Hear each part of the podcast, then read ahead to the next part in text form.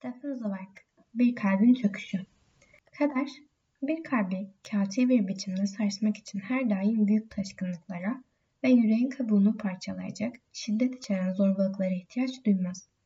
Yazgının dizginlenemez şekillendirme tutkusunu basit gerekçelerle meydana gelen yıkımlar körükler. Bizler bu ilk nazik dokunuşa kendi yetersiz fani dilimizde vesile deriz ve pek çok kez bu önemsiz vesileyi ardından gelen şiddetli sonuçlarla şaşkınlık içerisinde kıyaslarız.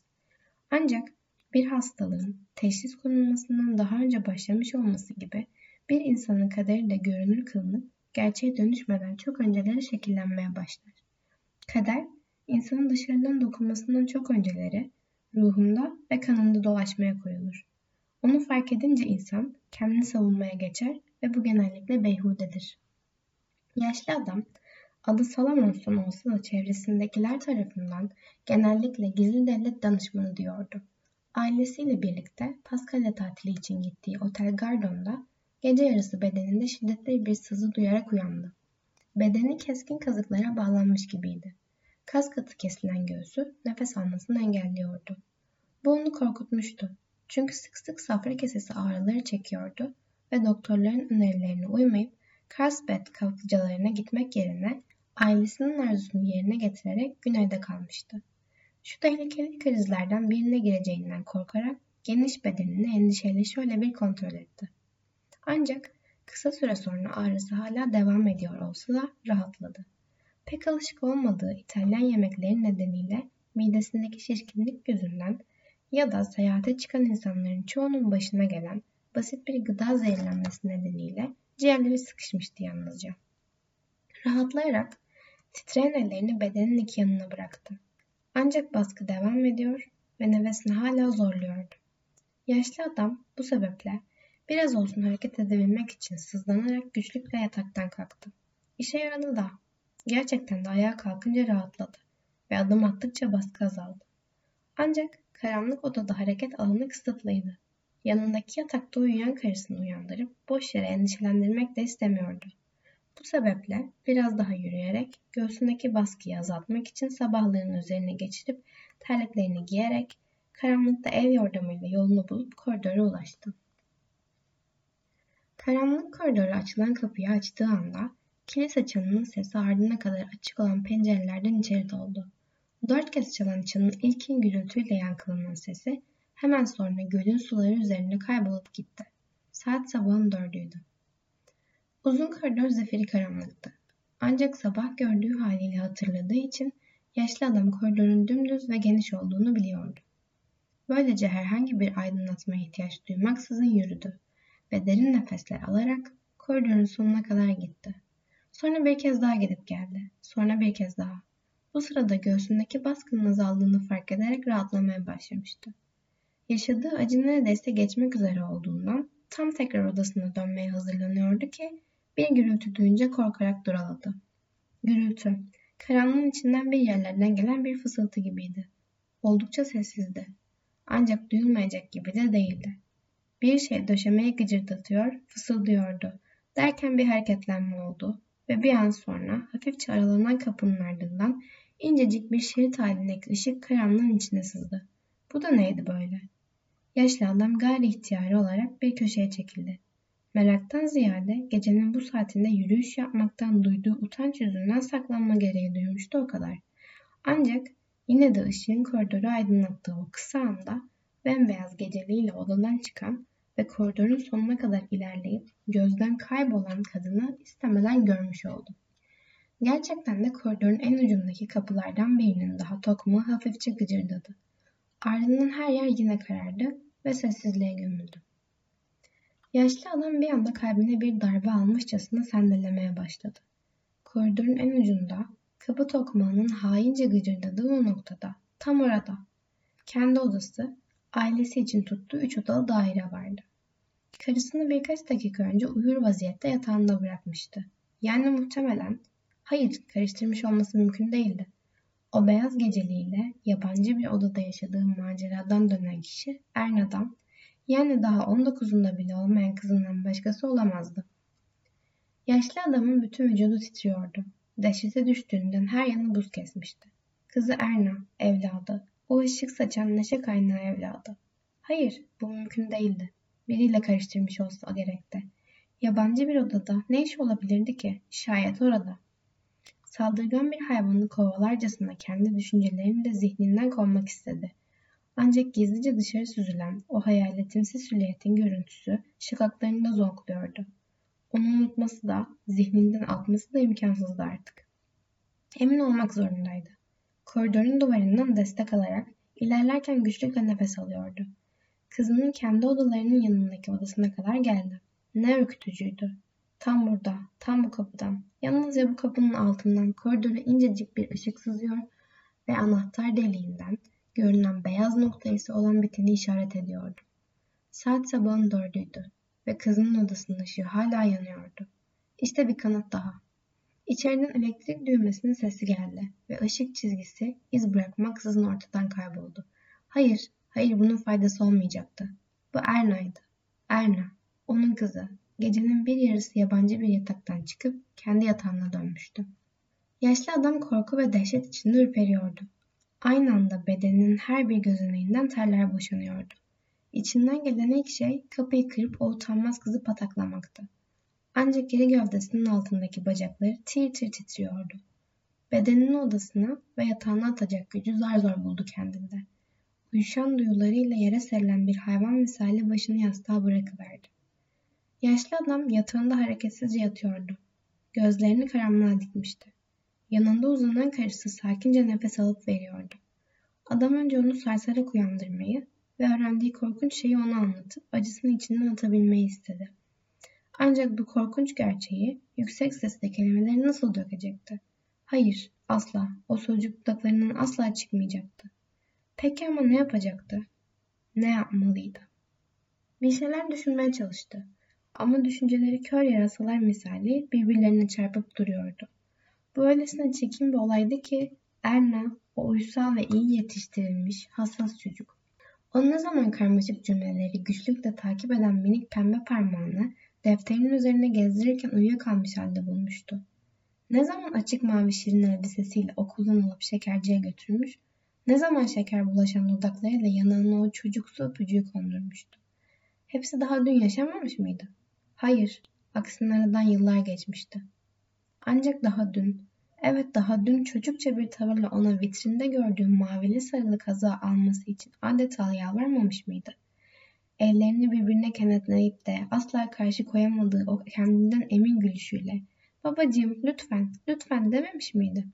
Ama şimdi kapısının birkaç metre ötesinde yabancı bir adamın yatağında çılçıplak halde inlerken Tanrım, Tanrım diye sızlandı yaşlı adam istemsizce. Utanç verici, bu utanç verici. Benim evladım, benim hassas, herkesten sakındığım çocuğum bir adamla. Kim bu? Kim olabilir? Üç gündür Gardon'dayız ve buradaki o züppelerle daha önce tanışmıyordu bile. Ne o dar kafalı Kont Ubaldi'yi, ne İtalyan askeri ne de Mekelunglu süvariyi tanıyordu. Ama ikinci gün o baloda, orada tanıştılar. Ve Erna hemen biriyle, hayır, daha önceden başlamış olsa gerek, evde. Bense bir şey bilmiyorum. Hiçbir şeyden haberim yok. Aptalım ben, aptal. Zaten onlar hakkında ne biliyorum ki ben? Bütün gün onlar için çalışıyorum. Ofiste 14 saat geçiriyorum. Eskiden de trenlerde elimde numunelerin olduğu bir çantayla dolaşır dururdum. Sırf onlara para götürmek için. Para. Daha güzel elbiseler alabilsinler, daha zengin yaşayabilsinler diye. Peki, ben akşam eve yorgun argın dönünce ne oluyor? Evde bile olmuyorlar.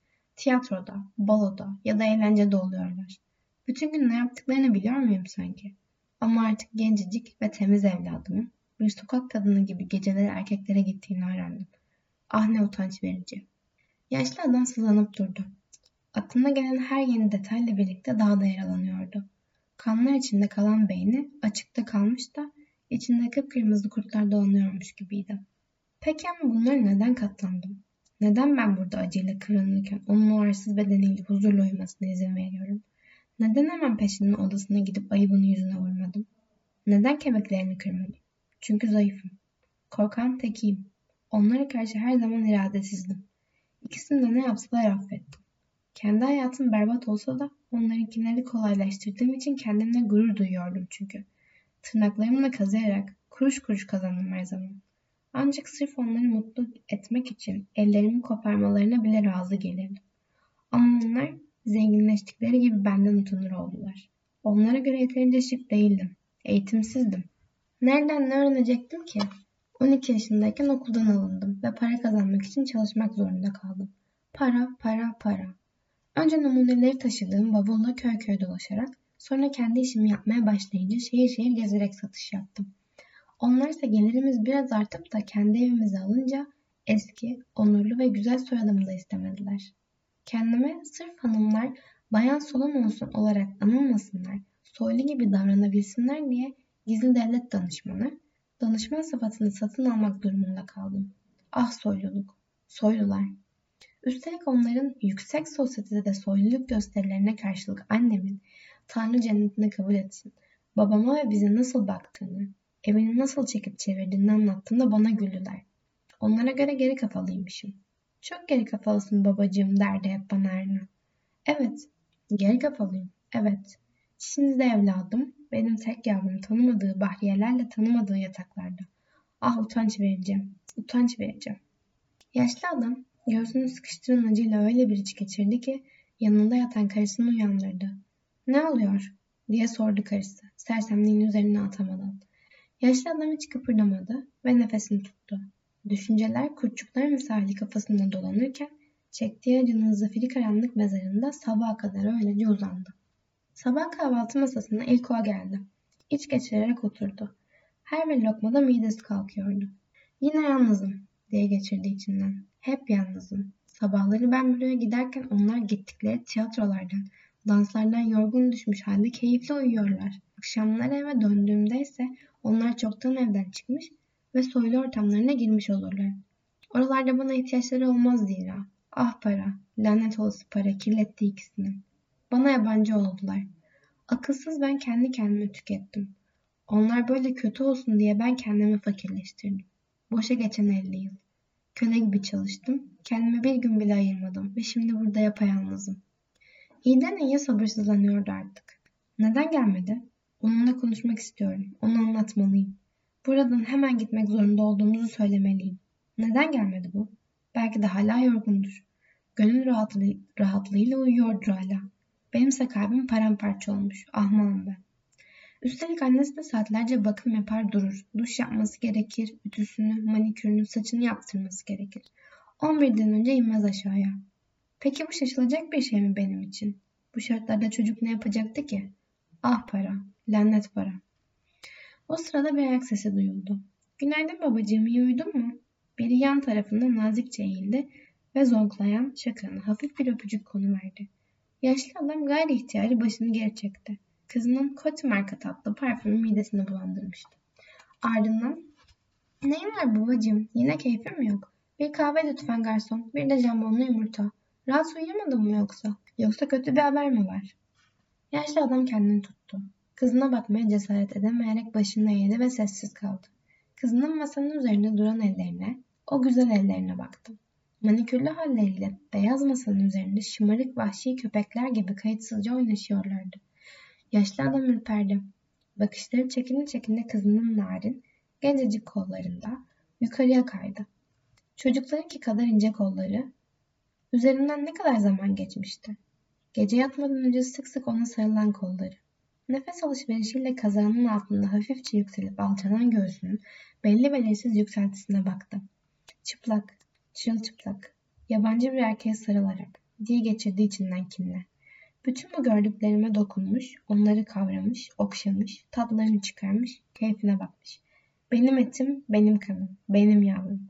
Ah yabancı hergele. Ah, ah. Gayri ihtiyari bir kez daha iç geçirdi. Neyin var babacığım diye sordu kızı ısrarla, babasını pohpohlayarak. Neyin mi var diye söylendi yaşlı adam içinden. Ancak dışından anlaşılmazca mırıldanmakla yetindi. Hiç, hiçbir şey yok. Ardından kızının soran gözleriyle arasında bir set çekebilmek için panikle gazeteye uzandı. Zira kendini kızının gözlerine bakacak kadar güçlü hissetmiyordu. Elleri titriyordu. Kendi kendine eziyet ederek onu şimdi söylemeliyim, şimdi baş başayken diye geçirdi içinden. Ancak ses çıkmadı. Yine ona bakacak gücü kendinde bulamadı. Sonra ani bir hareketle sandalyesini geriye savurdu. ve ağır adımlarla bahçeye ilerledi. Çünkü yanaklarından gözyaşlarının süzüldüğünü hissediyordu. Kızının bunu görmesine izin veremezdi. Yaşlı adam kısa bacaklarıyla bahçede dolandı ve bir süre sonra uzun uzun göle izledi. İçin için akan gözyaşlarıyla adeta körleşen gözlerine rağmen manzaranın güzelliğini görmezden gelemedi. Gümüşü ışıkla yeşil yeşil uzanan yumuşacık, renkli tepeler servilerin incecik sürgünleriyle gölgeleniyor, arkalarındaysa sarp yamaçlar, çocuklarının neşeli oyunlarını uzaktan seyreden ciddi babalar misali, gölün güzelliğini uzaktan sert ancak kibirden uzak bir bakışla seyrediyordu sanki. Ağaçlar sıcacık, çiçekli ve davetkar dallarını nasıl da uzatır. Tanrı'nın güneye bağışladığı o zamansız ve huzur dolu gülüşler nasıl da mutluluğa, huzura davet eder insanı. Mutluluk. Yaşlı adam iyice ağırlaşan başını sağa sola salladı. İnsan burada mutlu olabilir. Ben de bir kere olsun mutlu olmak istemiştim. Dünyanın güzelliklerini bizzat hissetmek istedim. 50 yıllık yazma, hesaplama, pazarlamayla geçen mesainin ardından güneşli birkaç günün tadını çıkarmak. Bir kere, bir kez olsun, sadece bir kere mezara girmeden önce. 65 yıl. Tanrım, bu yaşta beden ölümün ellerine düşebilir ve artık ne paranın ne de doktorların yardımı dokunur buna. O zamandan önce birkaç rahat soluk almak. Bir kez olsun kendim için bir şeyler yapmak isterdim. Ancak babam her zaman şöyle derdi. Eğlence bizim gibilere göre değil. Bizim gibiler yüklerini mezara kadar sırtlarında taşır. Daha dün bir kez olsun kendimi mutlu edecek bir şeyler yapabilirim diye düşündüm. Daha dün az çok mutlu sayılırdım. Güzel ve neşeli evladım adına mutluydum. Onun mutluluğuyla mutlu olurdum. Ancak Tanrı beni hemen cezalandırıp bu mutluluğu elimden aldı. O mutluluk sonsuzluğa karıştı. Artık öz evladımla konuşamayacak durumdayım. Utancımdan gözlerinin içine bile bakamıyorum. Bütün bunlar aklımdan çıkmayacak. Büroda, evde ve geceleri yatağımda hep şunları düşüneceğim. Şu anda nerede kızım? Nereden geldi? Ne yaptı? Artık evime huzurla dönemeyeceğim. Çünkü kızım orada olacak. Gelip boynuma sarılacak. Onu öyle güzel ve tazecik görünce yüreğim sıkışacak. Bana bir öpücük verince o dudaklarla önceki gün kimin bütününü düşüneceğim. O yanımda yokken hep korku duyacağım ve gözlerini gördüğümde daima utanacağım. Hayır, insan böyle yaşayamaz. Yaşlı adam kendi kendine bir şeyler mırıldanarak bir sarhoş misali sağ sola sallanıyordu. Gözlerini ara ara göle dikiyor ve gözlerinden mütemadiyen akan yaşlar sakalına süzülüyordu. Sapsız gözlüklerini çıkarmak zorunda kalınca uzağı göremeyen yaşlı gözlerle yolun ortasında öylece durdu. O sırada yoldan geçmekte olan bir bahçıvan çırağı şaşkınlıkla ona bakmış, yüksek sesle gülmüş ve sonra da İtalyanca anlayamadığı şeyler söyleyerek onunla dalga geçmişti. İşte bu yaşlı adamın acı sarhoşluğundan sıyrılmasını sağladı. Gözlüğünü tekrar taktı ve bahçenin kuytu köşelerine ilerleyip insanların kendisini bulamayacağı bir bank aradı. Ancak tam kuytu bir köşeye yaklaşmıştı ki sol taraftan gelen yeni bir kahkahayla irkildi. Tanıdığı bir kahkahaydı bu ve duyduğu anda yüreğini paramparça etti.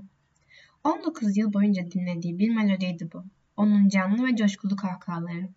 Sırf bu kahkahaları duymak uğruna o ikisine bir şeyler verebilmek, bu neşeli halini kaygısızca büyütecek kadar bolluğunu kızına verebilmek adına trenlerin 3. sınıf kompartmanlarında Poznan ya da Macaristan'a az mı yolculuk etmişti. Sırf o güzel dudaklar hep böyle gülebilsin diye. Ancak şimdi o kahkaha, o lanetli gülücükler yaşlı adamın bağırsaklarını bir testere misali parçalıyordu sanki. Derken yine o kahkahaya karşı koyamadı. Tenis kortundaydı. Çıplak elleriyle tuttuğu raketi oyun dahilinde serbest hareketlerle ileri geri savuruyor, her savuruşunda da coşkulu kahkahaların masmavi semaları yükseliyordu. Bu sırada üç adam onu izlemekteydi. Üzerinde tenis kıyafetleriyle Kontubaldi, vücudunu saran daracık üniformasıyla Bahriyeli asker ve kusursuzca üzerine oturan pantolonuyla süvari. Nevi şahsına münasır bu üç adam etrafına birer heykel gibi dizilmiş, kelebek misali uçarak topla oynaşan kızını hayranlıkla izliyordu. Yaşlı adam da kendini onu izlemeye kaptırmıştı. Yüce Tanrı, o açık renkli incecik elbisesi içinde nasıl da güzel görünüyordu. O sarı saçları güneşte nasıl da ışıl ışıl parlıyordu. O tazecik bedeni koşarken de, sıçrarken de rahatça hareket ediyor ve eklemleri hareketleriyle uyumlu bir biçimde esneyerek ona itaat ediyordu sanki. Şimdi beyaz tenis topunu heyecanla havaya savuruyordu. Bir kere daha ve bir kere daha savurdu. Son topu karşılamak için ileri atılırken zarif bedeni incecik bir dal misali olağanüstü bir biçimde kıvrılıyordu. Yaşlı adam onu hiç böyle görmemişti. Ateşli bedeni kahkahalarının gümüşü dumanıyla sarılmış beyaz, savruk alevler içerisindeydi. Adeta güneyin bahçelerinin sarmaşıklarından, ayna misali mavilikleri yansıtan gölden kaçmış bakire bir tanrıçaydı sanki. Evdeyken hiç bu şekilde dans edercesine, böylesine özgür hareket ederek hevesle oynadığı olmamıştı kızının. Hayır, yaşlı adam duvarlarla çevrilmiş o boğucu şehirde kızını daha önce hiç, bir kere bile böyle görmemiş, evin odalarında ya da şehir sokak, sokaklarında sesinin boğazından şarkı söylüyormuşçasına büyük bir neşeyle yükseldiğini, böylesine cıvıldadığını duymamıştı. Hayır, kız daha önce bu kadar güzel değildi. Yaşlı adam izledi, izledi. Her şeyi unutmuştu. Yalnızca o bembeyaz, uçuşan alevleri görüyordu gözleri. En sonunda kızı koşup sıçrayarak son atışı da karşılamasa ve gözlerinde gururlu bir ifadeyle nefes nefese olsa da gülerek raketini göğsüne bastırıp nihayet durmasaydı yaşlı adam orada öylece durup kızının o halini tutkuyla sonsuza dek izleyebilirdi. Derken kızının topları başarıyla karşılamasını heyecanla izleyen üç adam bir operanın sonuna gelmişçesine alkış tutup ''Bravo, bravo!'' diye bağırdılar. Bu boğuk sesler yaşlı adamı gördüğü düşten uyandırınca üç adama kaşlarını çatarak baktı. Kalbi küt küt atarken oradalar, hergeliler dedi. İşte oradalar ama aradığım hangisi? Hangisi kızımı benden aldı? Nasıl da iyi giyinmiş, parfümler sürünmüş, güzelce tıraşlarını olmuşlar aylak herifler. Biz bu yaşlarda ofiste yıpranmış pantolonlarımızla oturup müşterilerin etrafında döner dururduk. Belki bu hergelileri babaları da onlar için çalışıyor. Parayı tırnaklarıyla kazıyarak kazanıyordur. Ama bunlar dünyayı dolaşıyor. Tanrı'nın bağışladığı günleri gün ediyorlar. Yüzleri güneşten yanmış, kaygısız ve pırıl pırıl gözlerinde küstah bakışlar. Böyle canlı ve keyifli olmak kolay iş. Üstelik gösteriş meraklısı bir genç kısa da birkaç tatlı söz ettim mi hemen yatağa atılıverir. Ama bu üçünden hangisi? Kimdi o? İçlerinden biriydi, biliyorum. Şimdi de evladımın elbisesinin altındaki çıplak bedenini görüyor ve ağzını şapırdatarak o bedene sahip oldum ben diye geçiriyor içinden. Onun çıplak ve ateşli halini biliyor ve bu akşam da aynısı olacak diye düşünüp kızıma göz kırpıyor. Ah aşağılık köpek. Kırbaçlaya kırbaçlaya öldürebilirim onu, o köpeği. O sırada hepsi yaşlı adamı fark etti. Kızı raketini sallayarak selam verip ona güldü. Adamlar da aynı şekilde onu selamladı. Yaşlı adamsa karşılık vermeden kanlanmış gözlerini kızının gülümseyen dudaklarına dikmişti. Hala bu kadar çok gülebiliyorsun demek sen arsız. Ama belki de bana bakıp gülen biri daha vardır. Orada durmuş, geceleri horul horul uyuyan şu yaşlı, ahmak Yahudi'ye bakın diyordur içinden. O uyurken neler olduğunu bilse, aptal ihtiyar. Evet biliyorum, benimle alay ediyorsunuz. Beni pis bir tükürüğün üzerine atlar gibi atlatıyorsunuz. Ama kızım, benim baştan çıkarıcı ve hevesli kızım hemen yatağınıza veriyor. Annesi de biraz şişman, giyimde zevksiz, çok makyaj yapan bir kadın. Ama biraz sohbet edilse belki o bile bir dansa hayır demez. Hakkınız var sizi köpekler. Boğulmuşsuz kahpeler peşinizden koşuyorsa hakkınız var. Bu yaptıklarınızla başka bir kalbi kırıyorsanız ne olmuş? Siz eğlendikten, o aşağılık kadınlar keyiflendikten sonra. Sizleri koşunlamalı, hepinizi kırbaçlamalı. Kimse bunu size yapmadıktan sonra siz de haklısınız. Bir köpeğin kendi dışkısını yemesi gibi öfkeden kendini yiyip bitirirse de size bir şey yapmıyorsa. Bu korkak acınılacak derecede korkaksa siz de haklısınız. O arsızı kolundan çekip alamıyorsa aranızdan. Ağzını açmadan öyle korkakça duruyorsa. Korkakça. Korkakça. Yaşlı adam parmaklıkları tutundu. Öfkesini onu öylesine sarmıştı ki birden kendi ayaklarına doğru tükürdü ve bahçeden ağır aksak adımlarla çıktı. Ayaklarını süre süre kasabanın merkezine yürüdü ve aniden bir vitrinin önünde durdu. Turistlere yönelik envai çeşit şey vardı. Tişörtler, ağlar, bluzlar, olta takımları, kravatlar, kitaplar, unlu mamuller raflara rastgele yerleştirilmiş ya da bir yerlere yığılmıştı. Ancak yaşlı adamın gözünde bu şık kargaşanın arasında dikkat çekmeden duran tek bir şey takılmıştı. Bir baston. Elle ağır gelecek ve bir darbede herkesi yere indirebilecek kuvvette. Ucu demirden bir yürüme çivisiyle sağlamlaştırılmış kalınca ve boğum boğum bir baston. O köpeği bununla yere sererim. Yere sererim onu. Bu düşünceyle onu sersemletmiş, kafasını karıştırmıştı. Hemen sonra o boğumlu bastonu cüzi bir rakama satın aldığı dükkana girdi. Bu ağır ve tehlikeli görünen şeyi eline aldığı anda kendini daha güçlü hissetti. Bir silah daima fiziksel olarak zayıf insanların kendilerine daha çok güvenmesini sağlardı. Bastonun sapını kavradıkça kaslarının daha da güçlü bir biçimde gerildiğini hissedebiliyordu. O köpeği bununla yere sererim. Yere sererim onu diye mırıldandı kendi kendine. Ve farkında olmadan ağır aksak adımlarının yerine daha sağlam, daha seri, dik bir yürüyüş almıştı. Sahile inen yolda yürümeye, hatta koşmaya başladı. Terliyordu terlemesine ama nedeni yürüme hızından ziyade gittikçe artan öfkesiydi. Bastonunun sapını gittikçe artan bir hırsla sıkıca kavramıştı. Silah varsaydığı bastonuyla otelin koridorunun mavi ve serin gölgeliğine adım atıp aksi bakışlarla görünmez düşmanlarını aradı. Ve gerçekten de köşedeki hasır sandalyelerde hep beraber oturmuş, ince pipetlerle sodalarını ve viskilerini yudumlarken keyifle sohbet ediyorlardı. Karısı, kızı ve o ayrılmaz üçlü. Yaşlı adam bastonunun sapını sıkıca tutarak buhran içerisinde hangisi, hangisi acaba diye aklından geçiriyordu. Hangisinin kafasını kırmalı, hangisinin, kim o? O sırada Erna babasının gergin arayışını fark etmiş olacak ki hemen ayağa fırlayıp onu karşıladı. Sonunda geldin babacığım. Biz de her yerde seni arıyorduk. Düşünsene Bay Medwitz bile Fiat otomobiliyle Desenzo'ya kadar götürecek. Gölün tamamını gezeceğiz. Konuşurken bir yandan da babasının nazikçe masaya doğru sürüklüyordu. Adama teşekkür etmesini bekliyor gibiydi. Adamlar kibarca ayağa kalktı ve yaşlı adama ellerini uzattılar. O ise titriyordu. Ancak kolunda kızının sıcacık varlığının yumuşacık ve sakinleştirici etkisini duyumsuyordu. Sonunda iradesini kaybetti. Uzatılan elleri birer birer sıktıktan sonra sessizce oturdu. Bir sigara çıkardı ve sigarayı dişlerinin arasına sıkarak sinirini ondan çıkardı. Onu yok sayıp neşeli kahkahalar eşliğinde sohbetlerini Fransızca sürdürdüler. Yaşlı adam sessizce oturdu ve sigarasını hışımla çiğnemeye sürdürdü. Ta ki kahverengi özü dişlerinin arasına akana kadar. İçinden haklısınız, haklısınız diye geçiriyordu. Benim suratıma tükürmeli. Bir de gittim adamla tokalaştım. Üçüyle de hem de. Ama o hergilenin bunlardan birisi olduğuna eminim.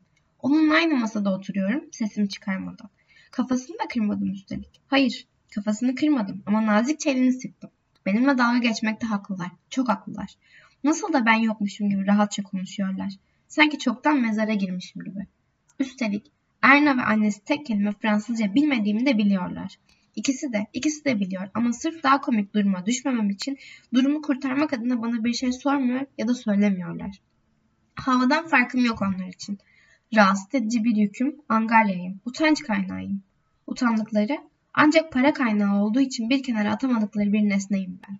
Para, para, ah lanet para. O pis parayla çürüttüm ikisini de. Tanrı'nın cezası parayla. Benimle tek kelime konuşmuyorlar, ne karım ne de tek evladım. Sadece bu boş gezegenleri, bu süslü, köse zübbeleri görüyor gözleri. Nasıl da gülüyorlar. Adamlar ikisini de gıdıklıyor sanki. Ben bunlara katlanıyorum. Burada oturmuş onların gülüşmelerini dinliyor ve konuştuklarını anlamadan öylece oturuyorum. Hiçbirini yumruklamıyorum. Gözlerimin önünde fingirdemeye başlamadan önce baston tepelerine indirip hepsini bir yana savurmak yerine oturuyorum. Bütün bu olanlara izin veriyorum. Sus pus halde, ürkekçe, aptalca, korkakça, korkakça. İtalyan subay bir anda izninizle dedi çakmağa uzanırken. Almancası berbattı. Yaşlı adam hararetli düşüncelerinden sıyrılıp şaşkınlıkla ayağa fırladı ve durumdan bir haber olan adama ters ters baktı. İçindeki öfke adeta kaynıyordu. Bir an bastonuna sıkıcı sarıldı. Ancak dudakları çoktan gevşemiş ve hissiz bir gülümsemeyle kırılmıştı bile. Ah elbette dedi sesi incelerek çıkmıştı. Elbette izin veriyorum. İstediğiniz her şeye izin veririm. Ha ha, her şeye iznim var. Sahip olduğum her şey sizindir. İzin veriyorum. Subay adama şaşkınlıkla baktı. Dili tam olarak anlayamıyordu. Ancak o garip gülümseme onu endişelendirmişti. Alman kont gayri ihtiyari ayağa fırladı. Kadınların rengi atmıştı. Ortam bir anda adeta fırtına öncesi sessizliğe bürünüverdi. Biraz sonra yaşlı adamın gerilimi uçup gitti ve sıkıca tuttuğu bastonda elinden düştü. Dayak yiyen bir köpek misali sinerek utançla öksürdü. Gösterdiği cüretten adeta kendisi korkmuştu. Erna bu utanç verici gerginliği damıtmak adına alelacele sohbete devam ettirmeye çalışınca Alman kontu yapmacıklığı fazlasıyla belli olan bir neşeyle ona katıldı. Birkaç dakika sonra da yeniden o hararetli sohbetlerine daldılar. Yaşlı adam sohbetten bütünüyle kopuk bir halde bir kenarda oturuyordu. Dışarıdan bakan birinin uyuduğunu sanmasını isten bile değildi. Bastonu ellerinden kurtulmuş, bacakları arasında amaçsızca sallanıyordu. Eline dayalı duran baş kısmı gittikçe daha da çok kayıyordu. Ancak artık kimsenin yaşlı adama dikkat ettiği yoktu. Coşkulu sohbet onun sessizliğini bastırıyor ve arada bir cüretkar şakaların tetiklediği cesur kahkahaların kıvılcımları saçılıyordu etrafa. Ancak yaşlı adam yine de karanlığında hareketsizce bekliyordu. Acı ve utanç içindeydi. Üç adam kalkınca aynı hızla, annesi de ağır adımlarla peşlerinden ilerledi. Keyifli bir teklifi kabul ederek hemen yandaki piyano dinletisi yapılan salona geçtiler ve uyuklayan yaşlı adamı sormaya bile tenezzül etmediler. Yaşlı adam ancak uyurken yorganı kayıp da bedenine çarpan soğukluğa kendini gelmişçesine etrafının tamamen bomboş olduğunu hissedince uyandı. Gayri ihtiyari boşalan koltuklara göz gezdirdi. Ancak hemen yan tarafta hareketli ve davetkar bir caz müziği başlamıştı bile. Yaşlı adam grubun neşeli konuşmalarını ve kahkahalarını işitiyordu. Dans ediyorlardı herhalde. Evet, dans. Sürekli dans etmekten başka bir şey bilmezlerdi. Sürekli kanlarını kaynatmaktan, baştan çıkana kadar birbirlerine sokulmaktan başka bir şey bilmezdi bunlar. Dans, gece gündüz demeden sabahlara kadar dans ederlerdi. Ta ki kadınları tavlarına kadar. Öfkeyle bastonunu tekrar kavradı ve ayaklarını süre süre peşlerinden gitti. Kapıya varınca öylece kaldı. Alman süvari piyanonun başındaydı ve aynı anda dans, dans edenleri de izleyebilmek için hafifçe yanı dönük oturuyordu. Bir yandan da ezberden bir Amerikan sokak şarkısını çalıyordu. Erna ise subayla dans ediyordu. Kont Baldi ise şişman ve hantal karısını ritmik hareketlerle ileri geri sürüklüyordu. Ancak yaşlı adamın gözü yalnızca Erna ile kavalyesini görüyordu. Ellerini kız sanki tamamen ona ait, aitmişçesine kızın nazik omuzlarına sarmıştı. Kurnaz tilki. Kızının bedeni ise gözlerinin önünde salınıp kendini adeta adama sunuyor, bedenine karşı konulmaz bir tutkuyla yaslanıp adeta onunla bütünleşircesine dans ediyordu. Evet, aradığı adam oydu. Bunu biliyordu. Zira sınırları böylesine rahat aşan bu iki bedenin daha önceden birbirlerini tanıdıkları ve kanlarına kazınan bir birliktelik yaşadıkları aşikardı.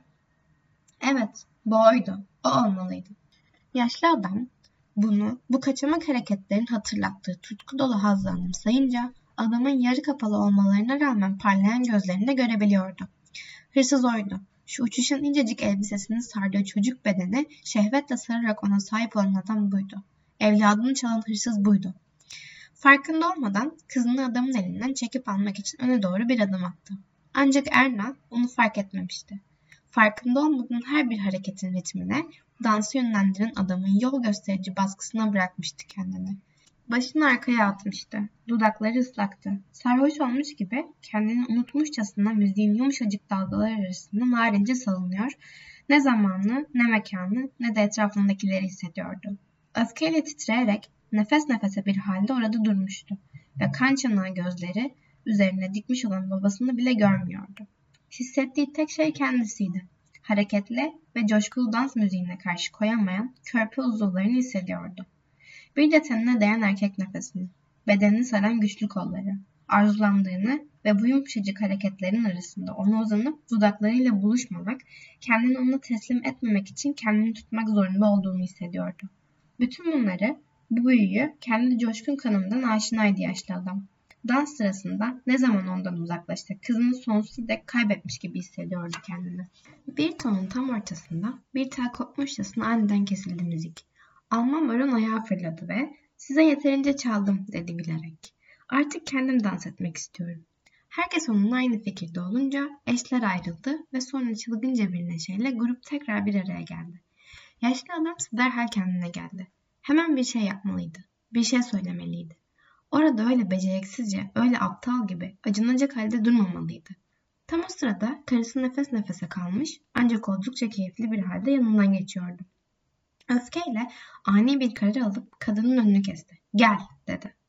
Sabırsızlıktan soluğu kesiliyordu. Seninle konuşmam gerek.